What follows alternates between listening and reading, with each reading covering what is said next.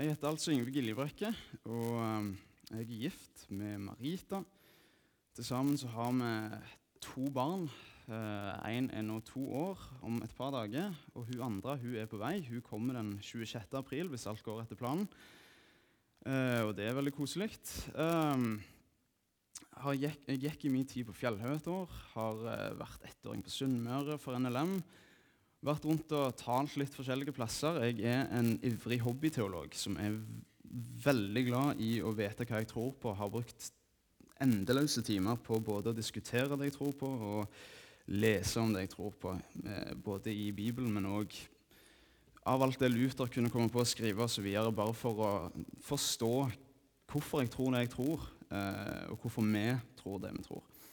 Eh, Nå for tida så driver jeg og eh, utdanner meg videre, for jeg hadde en sånn forbaska barndomsdrøm som aldri ga slipp, og det var den om å bli flyger. Så jeg eh, holder på å utdanne meg til helikopterpilot. Og det er hektisk. Det er liksom et par uker i USA og litt her og litt der og prøve å fly her. Men været i Stavanger det er dessverre ikke på min side i det hele tatt. Det vet dere jo. Så det går litt opp og ned. Litt hektisk har det vært. Um, så det var litt om meg. Eh, men la oss eh, snu oss til søndagsteksten. Jeg skal lese fra Matteus eh, kapittel 17. I dag er det Kristi forklarelsesdag, kapittel 17, Matteus 17, vers 1-9. Seks dager senere tok Jesus med seg Peter, Jakob og hans bror Johannes og førte dem opp på et høyt fjell hvor de var alene. Da ble han forvandlet for øynene på dem. Ansiktet hans skinte som solen, og klærne ble hvite som lyset. Og se, Moses og Elia viste seg for dem og snakket med ham. Da tok Peter til orde og sa til Jesus.: Herre, det er godt at vi er her. Om du vil, skal jeg bygge tre hytter, en til deg, en til Moses og en til Elia. Mens han ennå talte, kom en lysende sky og skygget over dem, og en røst lød fra skyen. Dette er min sønn, den elskede. I ham har jeg min glede. Hør ham. Da disiplene hørte det, kastet de seg ned med ansiktet mot jorden, grepet av stor frykt. Men Jesus gikk bort og rørte ved dem og sa, Reis dere og vær ikke redde. Og da de løftet blikket, så de ingen andre enn ham, bare Jesus. På vei ned fra fjellet ga Jesus dem dette påbudet. Fortell ikke noen om dette synet før menneskesønnen har stått opp fra de døde.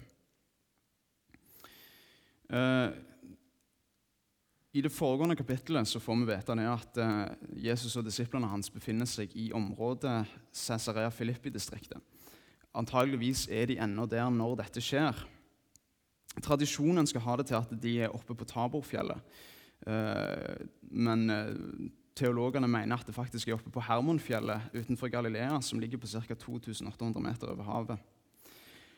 Når vi begynner å lese denne teksten, så får vi vite ganske fort at det er kun tre disipler som er med. De tre mest betrodde det er Johannes, det er Peter og det er Jakob. Og da spesielt Johannes og Peter som, som eh, får en veldig stor del av den videre fortellingen i, i eh, apostelens gjerninger etter Jesu himmelfart. Um, men det er en veldig god grunn for at det ikke bare er én disippel som er med. Vi har altså tre disipler han tar med. Og det har noe med at det som skjer her, det er eh, en veldig essensiell hendelse. Det er faktisk så essensielt at her skal det ikke bare være ett, men tre vitner som kan bekrefte det som skjer, og det som har skjedd. Når vi tenker på dette med tegn som Jesus gjorde Det er ingen tvil om at han gjorde mye av det. Han eh, helbreda, og han eh, gjorde mirakler som å mette flere tusen mennesker på absolutt nesten ingenting. Så får vi òg vite i evangeliene at veldig mange etter hvert kommer til å kreve tegn av ham. De tror ikke, men de sier hvis du bare gjør et tegn, så skal vi tro. Og det gjør ikke Jesus. Han sier at det tegnet de skal få, det er Jonategnet. Og det er jo oppstandelsen. Men her får disiplene et tydelig tegn. Og ikke bare litt, men det de opplever, det er så sterkt, og de, de bærer så preg av det, at vi står her og snakker om det 2000 år etterpå. Så kolossalt var dette her, denne transfigurasjonen. Disiplene får et tegn fordi at Jesus faktisk skal demonstrere for dem. Han tar dem med og skal vise dem at han er noe mer enn bare en mann som har hatt kloke ord å si.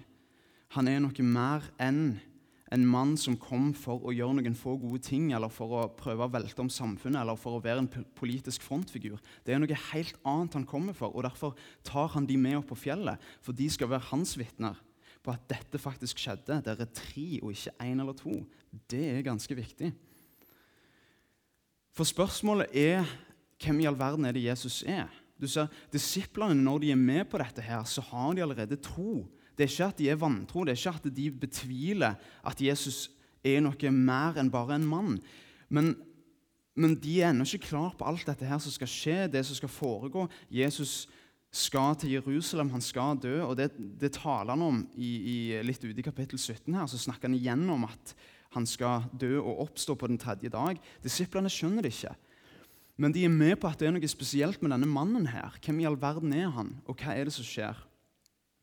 Og det sier mye. Som jeg sa, 2000 år etterpå så står vi og snakker om denne ene hendelsen. Og det, det betyr veldig mye. Det betyr at det er noe helt spesielt.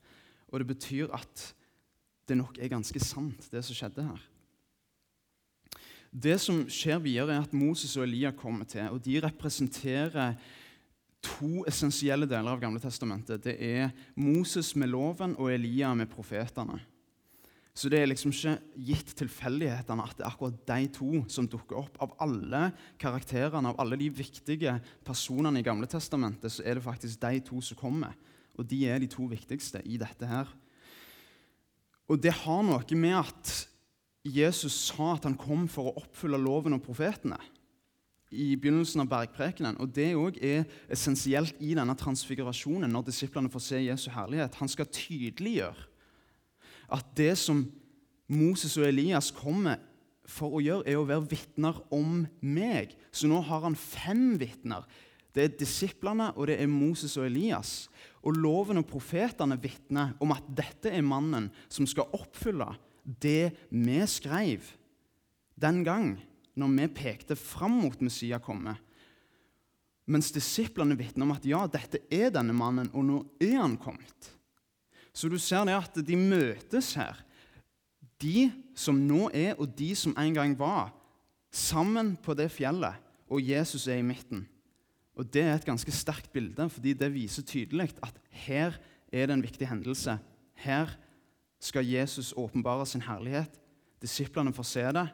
De tar det med seg videre, mens de som en gang vitna om den, Moses og Elias, drar opp igjen til himmelen. Så det er akkurat som det gamle og det nye møtes. Den gamle pakt, den nye pakt, og det skjer en overføring. Og Jesus er sentrum av dette her. Når Peter reagerer på dette, så sier han La meg få bygge tre hytter. ikke sant? Det er en, eh, en merkelig reaksjon, på en måte. Han, eh, det er akkurat som han vil sette opp et minnesmerke for det som har skjedd. Og det er kanskje litt merkelig å tenke på hvorfor han skulle si noe sånt, men det er egentlig mer det at han, han vet ikke hva han skal si. Det han får se, er Jesus i sin glorie, sånn som han er, og sånn som han har vært gjennom Gamle Testamentet. Hver gang vi går gjennom Gamle Testamentet og vi snakker om en Herrens engel som åpenbarer seg for menneskene, så Engel betyr på hebraisk budbringer. ikke sant? Så, så I Gamle Testamentet så må du sette en klar forskjell mellom engleskapninger, men òg en Herrens engel. For om det er en Herrens engel, så er det ikke nødvendigvis de skapte englene, men faktisk Jesus Kristus som åpenbarte seg i sin menneskelige skikkelse. Det var det han vandra med i Edens hage når han var sammen med Adam og Eva. Og den skikkelsen, den glorien, som Jesus har som Gud, men òg som menneske, det er den de får se på det fjellet. Det er den de får oppleve. Og den reaksjonen fra Peter han, han vet ikke hva han skal si. Jeg kan bygge tre hytter. Kan, En til deg, en til Moses, en til Elia. Jeg skjønner det jo. Mannen får se en glorie som ingen av oss ennå har fått sett. Og han, han hvordan skal han reagere? Her ser han Moses og Elia, og dette her er to mannfolk han har hørt mye om i sin oppvekst. Og så får han se dem med egne øyne. Der står de. Og som ikke det er nok, så kommer Faderen med i, altså Han kommer og omkranser dem med sky, og han taler til dem. Så nå har de først fått sett Jesu i sin glorie. De har fått sitt Moses og Elias, og så kommer Faderen. Og han, hans stemme blir hørt. Og det er umulig for oss å forstå for en opplevelse det er for de tre disiplene. Men dere ser hva som er poenget. Det er et tydelig poeng i dette her, at her, snak, her er det snakk om å gi de disiplene et kraftig vitnesbyrd. Et kraftig vitnesbyrd på at Jesus er den han sier han er. Og stemmen som kommer i den skyen, det er Faderen som snakker og sier dette er min sønn, den elskede. I ham har jeg min glede. Hør ham. Eller i andre oversettelser så står det 'i ham har jeg velbehag'. Jeg liker egentlig det ordet bedre, fordi velbehag det er liksom, det er som du sa, Helga, den velduften. Det lyset Jesus er for Faderen, den velduften han blir, det fullkomne offerlammet. Og Det òg er essensielt at disiplene får høre. fordi at det, det velbehaget og den gleden som Faderen har i sin sønn Hadde han ikke hatt det, så hadde ikke Jesus vært Gud. Han hadde ikke kunnet frelst, og han hadde egentlig vært en helt normal mann og synder. Så det òg er et sterkt poeng at i denne transfigurasjonen, i denne herligheten som disiplene får vitne, så skal de òg få det bekrefta av et vitne som ikke bare er hvem som helst, men som er lederen i treenigheten, Faderen, som Sønnen har lagt sin myndighet inn under. Ikke fordi Sønnen er mindre i natur eller verdi. Han er akkurat like høy, men som, som vi mennesker har en konge over oss, så er vi like fullt mennesker på samme nivå som kongen. Slik er det òg med Faderen og Sønnen. De er begge samme substans. De er begge like fullt Gud. De er begge like mektige. Men de har en rangering i treenigheten som reflekteres i samfunnet rundt oss. Det er derfor vi òg har et hierarki i samfunnet, fordi treenigheten har det. Så Faderen er den lederen i treenigheten, og Sønnen lyder Faderen. Og det kommer han òg for å gjøre. Og når da Faderen sier dette, så er Faderen det viktigste, det mest essensielle vitnet for hvem Sønnen er, i det han sier til disiplene 'Jeg har velbehag i ham'. Og Det er det som gjør at disiplene etterpå kan gå ut og forsyne evangeliet med den største sinnsro. Uansett hva som skjer med dem i apostelens gjerninger, så merker du at de viker ikke til høyre eller til venstre for det de har fått hørt og sett det vitnesbyrdet de fikk på det fjellet, der, det er så kolossalt. At de går igjennom fengsel, gjennom pisking, gjennom steining omtrent, gjennom tortur og forfølgelse for å få det evangeliet ut. Peter til jødene, Paulus går til, til hedningene. Og Paulus fikk òg sin egen åpenbaring på det viset på vei til Damaskus. Du ser hvor essensielt det er. Dette var før Skriften var fullført, og det var viktig at de som var vitner til Jesus, førstehåndsvitner, fikk virkelig et vitnesbyrd fullstappa og godt, så det skulle tydelig vise hvem er denne mannen, Jesus Kristus, som vi er med. Men dette velbehaget som Faderen har for sin sønn, det beste av alt med det, det er at det får vi del i. Det velbehaget, det får vi som tror på Han.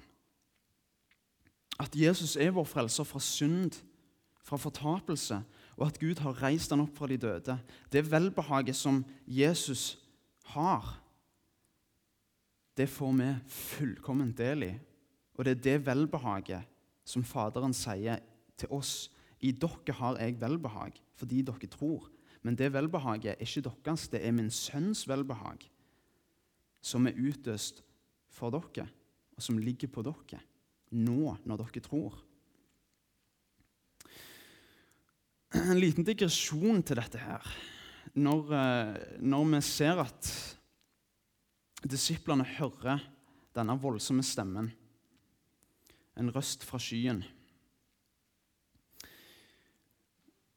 jeg har møtt folk, eller ikke akkurat møtt de personlig, men jeg har lest om folk eh, som mener det at de har hørt Guds stemme.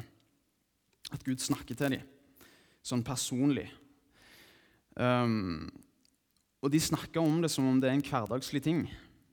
Jeg har til og med, Nå har jeg ikke det navnet i toppen av hodet, her, men det var en amerikaner som mente det at uh, Gud begynte å snakke til han om forskjellige verdensproblemer. alt mulig, og Så skrev han en bok om det og tjente seg egentlig ganske rik. Etter hvert så innrømte han jo at det bare var løgn alt sammen.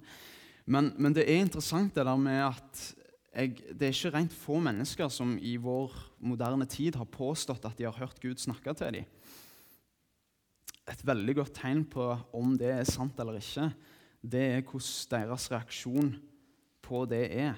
For hvis vi faktisk hadde hørt Guds stemme her inne nå tale til oss Det er ingen av oss som hadde stått oppreist, det er jeg ganske sikker på.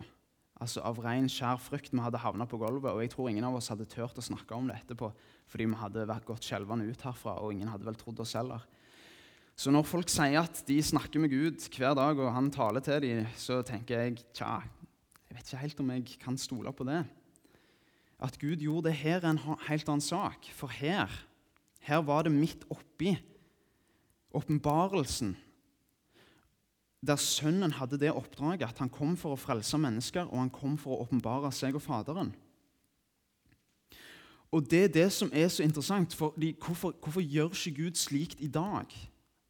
Når vi ser denne transfigurasjonen, at Jesus viser disiplene hvem han er, hvorfor gjør ikke Gud dette i dag? Det spørsmålet har jeg fått fra eh, kolleger fra de tidene jeg gikk på skole, når folk fant ut at jeg var kristen. Hvorfor kan ikke Gud bare åpenbare seg for alle, så kan alle tro på en gang? Så greit det hadde vært. Men det er det som er med mennesker. Vi er veldig veldig merkelige på det punktet. Jeg vil lese litt fra Lukas kapittel 16.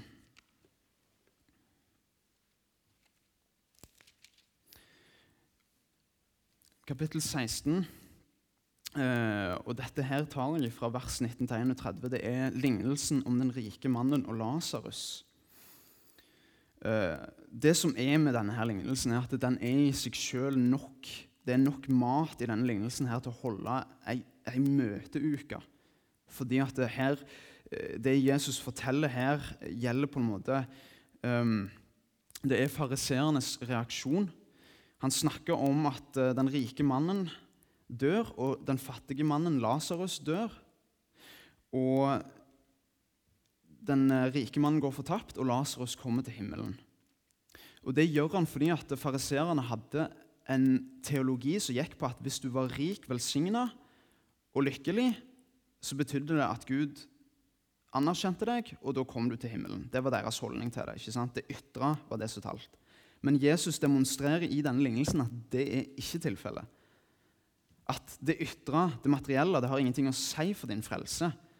Om du da setter din lit til det, så vil det i hvert fall lede deg til fortapelse. Men, men enten du er rik eller fattig, så kan du gå fortapt. Det, så Poenget er bare at han skal han skal knuse fariseernes verdensbilde. Men det som er interessant, er at i den samtalen som, som den rike mannen har Det er den som er interessant. Jeg skal lese litt fra det. Fordi etter at den rike mannen dør og går fortapt, så står det noe veldig interessant. Så døde den fattige, og englene bar ham til Abrahams fang. Den rike døde også og ble begravet. Da han slo øynene opp i dødsriket der han var i pine, så han Abraham langt borte og Lasarus tett inntil ham. Så han ser over kløfta og inn i himmelen. Og Det som følger, er en samtale mellom den rike mannen og Abraham. Og Lasarus sier ingenting. Han sitter på Abrahams fang. Han blir trøsta. Uh, og han spør, om, spør, Abraham om ikke Lasarus kan komme over her og væte tunga hans, for han er så i pine. Og til og med når han har gått fortapt, så har han ikke tatt lærdom. Altså, Han ser ennå på Lasarus som en slave. Og han sier ennå at Lasarus er mindre verdt enn meg, så han kan komme over her og vete tunga mi, for han er jo bare en fattig, fattig forbanna mann som lå utenfor mine porter, forderva. Han er fortsatt mindre verdt enn meg, til tross for at han ligger i pine. Men Abraham sier det går ikke, det er ei dyp kløft mellom oss. Lasarus er her, han kan ikke komme over til deg. Og da, da skifter tonen litt, og da sier den fattige mannen Da sa den rike, fra vers 27. Så ber jeg deg, far, at du sender ham til mine fem brødre hjemme hos min far, for å advare dem, så ikke de også skal komme til dette pinested. Men Abraham sa, de har Moses og profetene, de får høre på dem. Han svarte, nei, far Abraham. Men kommer det noen til dem fra de døde, vil de omvende seg. Og Abraham sa, hører de ikke på Moses og profetene, lar de seg heller ikke overbevise om noen står opp fra de døde. Så konklusjonen er ganske klar. At ikke engang om noen står opp fra de døde, vil de la seg overbevise.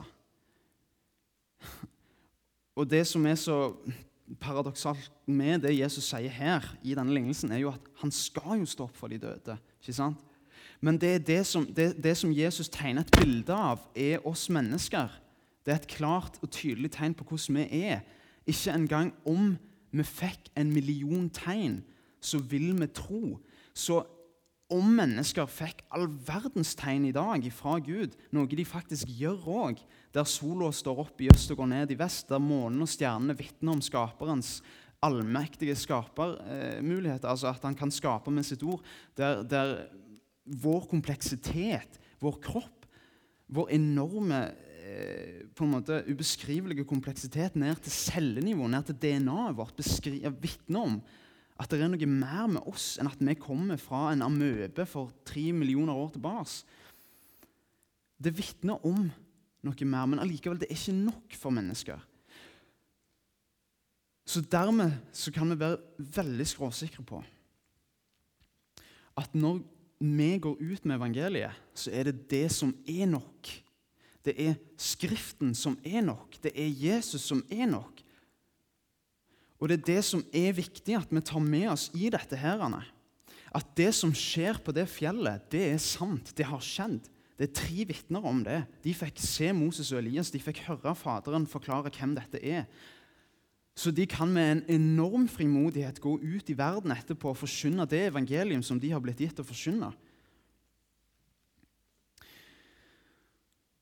Når Jesus helbreda når han tilga synder, når han gjorde mirakler, så hadde det to svært tydelige grunner for det. Den ene var å demonstrere hvem han var, og den andre var for å vise kjærlighet og nåde. Og Når vi da leser om disse ting i dag, når vi leser om hvem Kristus er, så kan vi som kristne være ofte fulle av tvil. Vi kan kjenne på det. Vi er omgitt av en verden som har forkasta denne boka her ganske brutalt, spesielt de siste 50 år. I går så satt jeg og så på 'Mesternes mester' med kona mi. Et program jeg ikke er så veldig glad i, men hun liker det, så da var det det som sto på. Og i Det programmet på NRK det handler om tidligere norske sportsutøvere som er med NRK ned til en eller annen søreuropeisk by. Så holder de på å konkurrere mot hverandre i et par uker om hvem som er mesternes mester, den beste. Uh, og I går så hadde de en liten sånn, en av deltakerne der heter Erik Soler. En uh, fotballspiller dere helt sikkert vet hvem er. Han spilte for Lillestrøm og var i Bundesliga og litt av hvert på 70-, 80- og 90-tallet og la vel opp rundt omkring 90-tallet en plass. Um, og Erik Soler fortalte litt fra sin oppvekst og fra sitt liv. Og Han sa det at når han gikk på skole altså Foreldrene hans var skilt. Faren var spansk, og mora var norsk. Faren ville ikke bo i Norge, og mora ville ikke flytte fra Norge, så de skilte seg. Og Dette her var på begynnelsen av 60-tallet, eller midten av 60-tallet. Den gang så var det høyst unormalt. og Han sa det at han gikk på en skole i Oslo med omtrent 500 elever, og det var kanskje to eller tre andre unger som hadde skilte foreldre. Dette her er 50 år siden. Når jeg gikk på barneskole, så var det betydelig mange i min klasse som hadde skilte foreldre. I dag har det økt enda mer. I dag er det vel omtrent oppi halvparten av de som gifter seg, som ender opp i skilsmisse. Det er et enormt eh, velde av motstand som møter oss i et sekularisert samfunn. Vi som vandrer i Kristi lys, og vi som ønsker å høre Han til. Vi møter motgang mer og mer i den tiden vi lever i. Det er det ingen tvil om. Det som jeg vokste opp i, eller vokste opp i, og som jeg skal gå inn i en voksen alder med, det som mine barn skal vokse opp i, er en helt annen verden enn det mange av dere her inne vokste opp i. Verden går gjerne til det verre. Og det er dermed så utrolig viktig at vi vet og kan lite på at det som står her, at det er sant. At det som faktisk skjedde på det fjellet, den transfigurasjonen, at det faktisk er et ekte vitnesbyrd om hvem Jesus er. At vi kan lite på at det evangeliumet han kom for å gi oss, det blodet han kom for å utøse for våre synders skyld, for tilgivelsen for våre synder, for at vi skulle bli frelst, det er helt essensielt at vi stoler fullt og helt på det. Og det kan vi gjøre. Men i en verden som møter oss med motstand, så blir det dessverre vanskeligere og vanskeligere. Og det er det som er min brann, min hjertesak. Det er at jeg ser på de rundt meg som har vanskelig for å tro på at dette kan være sant. Og jeg sier til dem ja, men det er så sterkt et vitnesbyrd. De av mine frender som er kristne, som begynner å betvile sin egen tro, jeg ser det, og det gjør meg vondt. Og jeg forstår det. De er omgitt av kolleger som hele tida skyter inn angrep på kristendommen. Og det er det vi må kjempe imot. Og det jeg ofte ser, er at vi bruker taktikker som går på noe annet enn evangeliet. Vi skal prøve å få folk inn på all slags mulige måter. Vi skal ha underholdning, vi skal bruke lavterskelmøter, vi skal gjøre ting sånn og sånn og forenkle det veldig mye. Og jeg tenker, Det er vel og bra at vi har visjoner, men jeg ser at det tragiske med det, når vi prøver å på en måte lokke folk inn i våre kirker, det er at vi faktisk glemmer å gi dem evangeliet ganske ofte. Det er tragisk. Det har jeg sett på igjen og igjen. Og at vi, vi, blir så opptatt av at vi skal nå ut til folk, at vi glemmer evangeliet. Jeg har selv vært med på gatemøter der, der jeg har vært med eh, veldig karismatiske kristne ungdommer som brenner veldig for troa si. De er veldig opptatt av, av helbredelse og, og, av at folk skal bli helbredet for sine sykdommer. Men, og, og midt oppi all den omsorgen de ønsker å vise for folk, så glemmer de evangeliet. De glemmer Jesus Kristus. Og da er jo hele meninga borte. Og Det jeg ønsker å gi dere her i dag, er nettopp det at når dere går der ute i verden, enten dere er pensjonerte, enten dere er i fullt arbeid, enten hva det enn det er dere gjør, så husk det at ta med dere evangeliet. For det er det som holder dere fast det er Jesu Kristi evangelium, det han har gjort for dere. Det at han døde for deres synder, utøste sitt blod for dere, som gjør at dere holdes i ei levende tru. Det er Den hellige ånd sitt ord om dette, der han kommer inn i deres hjerter og gjør ordet levende, som gjør at dere fortsetter i den trua. Så hold inderlig godt fast på det evangelium, og tro det. For midt i en verden som stadig gjør mer og mer av vår tro, som stadig betviler hele den boka her, så er det ingenting som er viktigere enn at vi sitter ved Jesu knær på det viset der og holder fast ved Han for alt det det er verdt. Hans ord og hans evangelium, det er liv. La oss be. Kjære Jesus, du ser våre behov, du ser våre hjertes tanker. Jeg ber om at du griper oss med ditt ord, med ditt evangelium, Herre.